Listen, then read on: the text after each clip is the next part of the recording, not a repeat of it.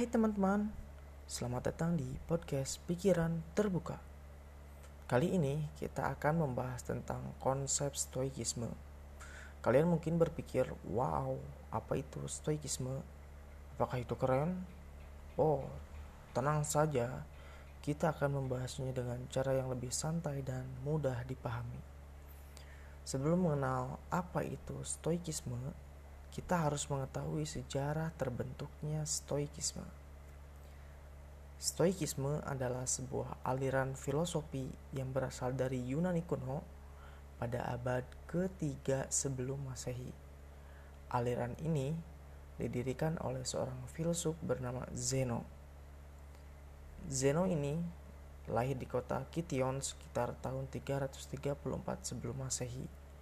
Mungkin dari kalian bertanya, kota Kition ini terletak di mana ya? Ternyata kota Kition ini terletak di Pulau Siprus. Kak, aku gak tahu Pulau Siprus itu di mana. Nah, ternyata Pulau Siprus adalah sebuah negara kepulauan yang terletak di bagian timur Laut Tengah, di sebelah selatan Turki dan barat daya Suriah, Libanon, dan Israel. Ibu kota ini adalah Niskosia dan memiliki dua bahasa resmi yaitu bahasa Yunani dan bahasa Turki. Dan Zeno ini meninggal di Athena pada sekitar tahun 262 sebelum Masehi. Mungkin kalian ada yang bingung, kenapa di Athena meninggalnya kawan? Begini ceritanya. Yang sudah disebutkan tadi di atas, Zeno lahir sekitar tahun 334 sebelum Masehi dan pindah ke Athena pada awal 300-an sebelum Masehi. Kak, aku gak tahu lagi Athena tuh di mana. Athena atau Athena kuno adalah ibu kota dari negara kuno Yunani yang terletak di wilayah Attika di bagian tengah timur semenanjung Yunani. Kota ini terkenal sebagai pusat kebudayaan dan intelektual pada masa Yunani kuno, di mana banyak tokoh terkenal seperti Plato, Aristoteles, dan Socrates hidup dan mengajar di sana. Nah, di Athena ini, Zeno mendirikan sekolah filosofi yang mengajarkan prinsip-prinsip stoikisme. Zeno mengembangkan stoikisme terinspirasi oleh ajaran-ajaran para filsuf sebelumnya, terutama Socrates, yang mengajarkan pentingnya mempertanyakan dan merenungkan kehidupan manusia. Zeno kemudian mengembangkan konsep-konsep baru yang dianggapnya lebih cocok untuk menjawab tantangan kehidupan yang dihadapi manusia pada masa itu, seperti konsep logos atau akal budi yang menjadi dasar pemikiran stoikisme.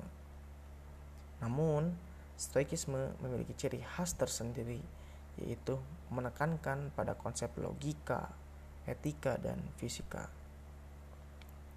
Sejak didirikan oleh Zeno, stoikisme menjadi salah satu aliran filsafat yang paling populer di dunia banyak filsuf terkenal seperti Cleanthes, Chrysippus, Epictetus, dan Marcus Aurelius yang menjadi tokoh penting dalam perkembangan aliran ini.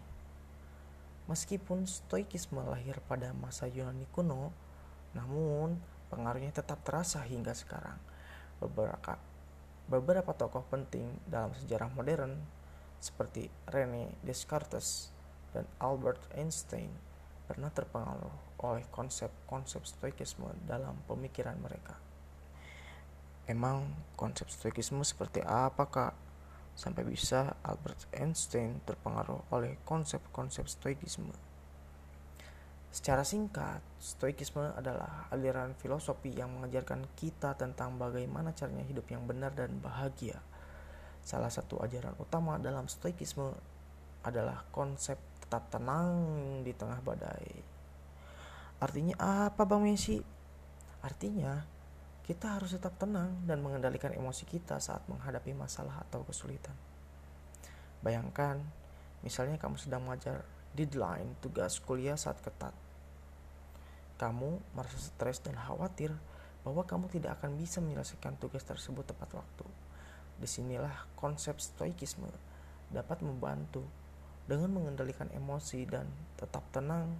Kamu dapat merespon situasi tersebut dengan lebih baik dan tidak tergesa-gesa dalam mengambil keputusan. Jadi, itulah sedikit tentang stoikisme. Mudah-mudahan podcast ini dapat membantu kalian memahami konsep stoikisme dengan lebih baik dan memberikan wawasan baru tentang cara hidup yang benar dan bahagia. Jika kalian ada kritik dan saran, boleh langsung DM ke Instagram kita yaitu @pd.pikiran terbuka. Terima kasih telah mendengarkan podcast Pikiran Terbuka. Yuk selalu membuka pikiran kita ke dunia baru.